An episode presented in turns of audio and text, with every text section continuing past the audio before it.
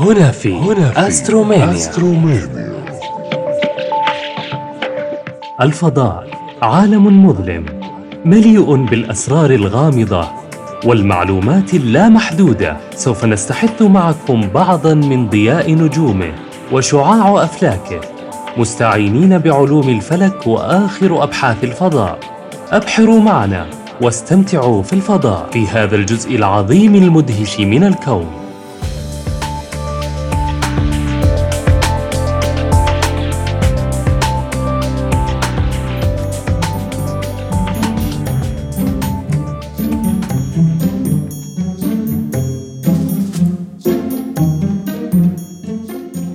الحلقة السادسة من بودكاست أسترومينيا. نصحبكم برحلة في عالم التغذية الفضائي. لنشبع فضولنا وفضولكم في معرفة غذاء رواد الفضاء. ونتعرف معا على أصناف طعامهم. وهل تتشابه مع أصناف طعامنا أم لا؟ فلنحلق معا في رحلة أسترومينية لذيذة.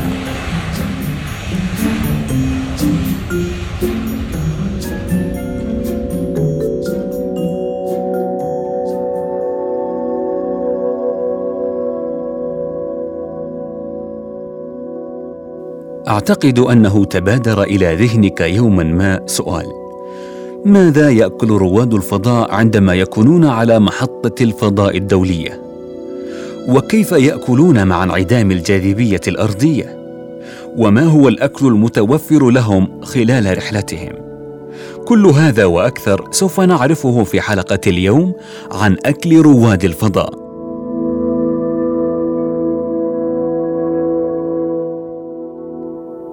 الذهاب للتخييم لأكثر من أسبوع مع العديد من أصدقائك المقربين. سوف تتأكد من حصولك على الكثير من الطعام والاعتاد لطهي الطعام وتناوله.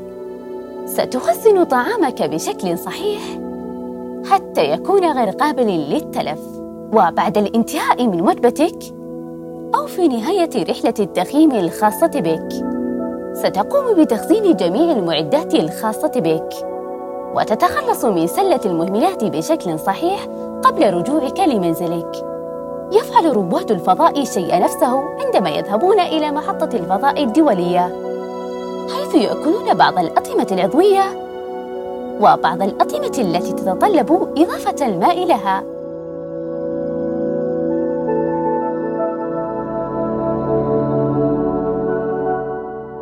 ربما يتبادر لذهنكم الآن سؤال هل يتوفر فرن أو ثلاجة في محطة الفضاء الدولية؟ نعم يتوفر فرن في محطة الفضاء الدولية لتسخين الأطعمة إلى درجة الحرارة المناسبة. ولكن لا توجد ثلاجات في محطة الفضاء الدولية. لذلك يجب تخزين الطعام في الفضاء إذ يعالج تحت درجة حرارة عالية. بهدف المحافظة عليه وتخزينه وأعداده بشكل صحيح لتجنب التلف حيث يتم معالجة الأطعمة حراريا للحفاظ عليها. كما يتم تجهيزها بشكل يمكن مستهلكيها من تناولها بالملعقة مهما كان نوع الطعام. طور العلماء عمليات معالجة الأغذية باستخدام تقنيات التجميد وتجفيف جميع أنواع الأطعمة. مثل الفواكه والجبن واللبن والخضروات بحيث تزيد صلاحيتها بأكثر من عشر سنوات. وأخيرا بإمكان رائد الفضاء إضافة القليل من الماء ويمكنه تناول الطعام مباشرة من العبوة وخاصة في المهام الأطول. ولكن الجدير بالذكر إنه تم تزويد المحطة مؤخرا بثلاجة صغيرة لحفظ المشروبات باردة لرواد الفضاء.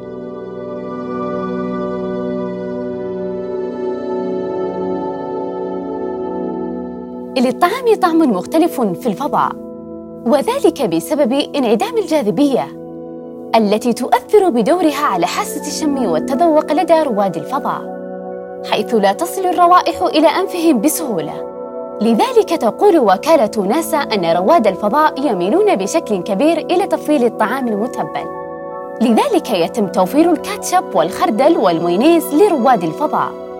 ويتوفر لهم أيضاً الملح والفلفل ولكن فقط على شكل سائل حيث لا يمكن لرواد الفضاء رش الملح والفلفل على طعامهم في الفضاء. ويعود ذلك إلى طفه بعيداً عن الجاذبية الأرضية مما يشكل خطراً حيث أنها قد تسد فتحات التهوية أو تلوث المعدات أو تتعثر في عيون رائد فضاء أو فمه أو أنفه. أكل رواد الفضاء يكون دائما ما يكون على شكل معجون معبى بعبوات تشبه علب معادين الأسنان. ويجب على رواد الفضاء أن يبقوا عبواتهم عند الانتهاء. تم تصميم عبوة الطعام لتكون مرنة وسهلة الاستخدام وخفيفة الوزن. وكذلك يسهل التخلص منها.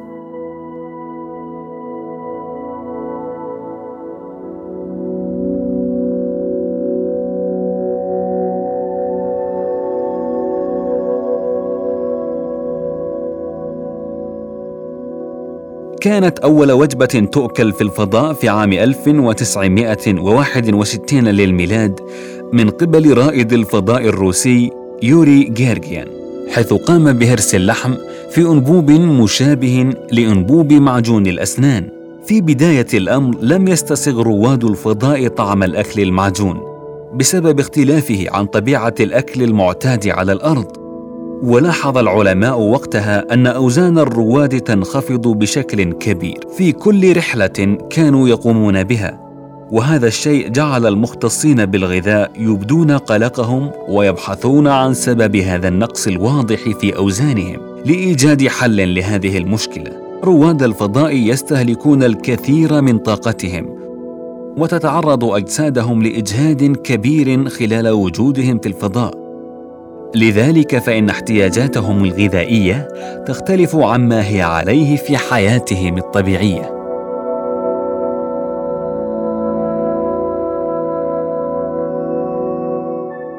على الأرض يفقد الشخص البالغ خمسون عاماً.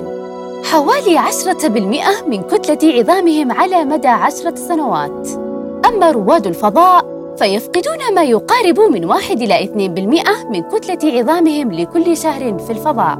مما يعني أنهم يفقدون عشرة بالمئة من كتلة عظامهم في أقل من عام. لذا يحتاج رواد الفضاء لكميات إضافية من الكالسيوم لتعويض النقص الحاصل في هذا العنصر في عظامهم والذي يبدأ مع انطلاقهم في رحلتهم. وقد يساعد الطعام منخفض الصوديوم على الحفاظ على الكالسيوم في الجسم. أيضاً يحتاج رواد الفضاء إلى الإكثار من فيتامين د الذي نحصل عليه بشكل طبيعي عند التعرض لأشعة الشمس. وهو مهم لرواد الفضاء لحاجتهم إلى بناء كتلة عظيمة سليمة وقوية.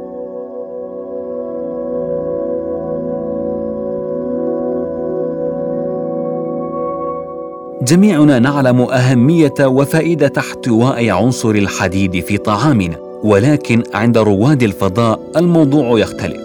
فنسبة الحديد التي يجب على سكان الأرض توفيرها بغذائهم تكون مضرة لرواد الفضاء لأن كريات الدم بأجسامهم تكون أقل من الطبيعي.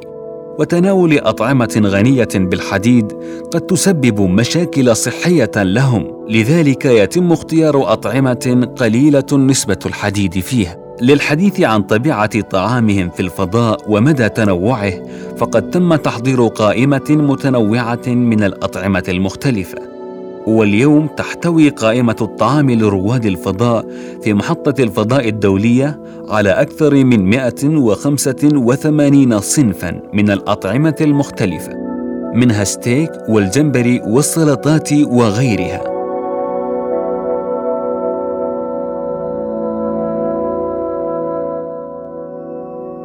قدمت روسيا 100 نوع في القائمة فيما قدمت اليابان 30 طبقاً عند التحاقها بالمحطة الدولية عام 2008 ومؤخراً قدمت دولة الإمارات العربية المتحدة ثلاثة أصناف جديدة وهي المضروبة والصالونة والبلاليط بالتزامن مع رحلة هزاع المنصوري والتي كانت شهر سبتمبر الماضي. الجدير بالذكر. أنه لا يمكن لرواد الفضاء شرب المشروبات الغازية على متن محطة الفضاء الدولية. يعود ذلك إلى انفصال مكونات المشروبات الغازية بسبب انعدام الجاذبية الأرضية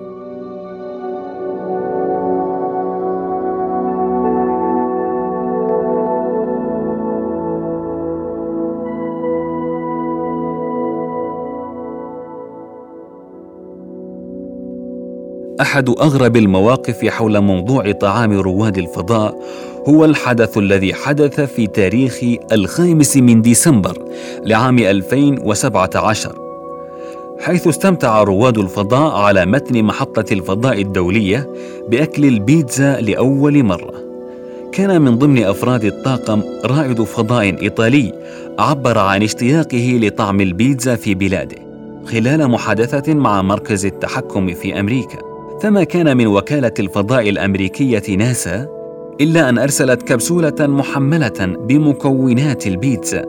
وقام أفراد المحطة بصنع بيتزا بشرائح البيبروني والجبن والصلصة والزيتون بعد هبوط رواد الفضاء على الأرض وبسبب غيابهم عن الجاذبية لمدة لا تقل عن ستة أشهر ومواجهتهم لاضطرابات بدنية وصحية ونفسية ومنها انعدام حاسة التذوق. يتبع الرواد نظاما صحيا مع تمارين رياضية حتى تتناسب وتتوازن مع احتياجاتهم الغذائية.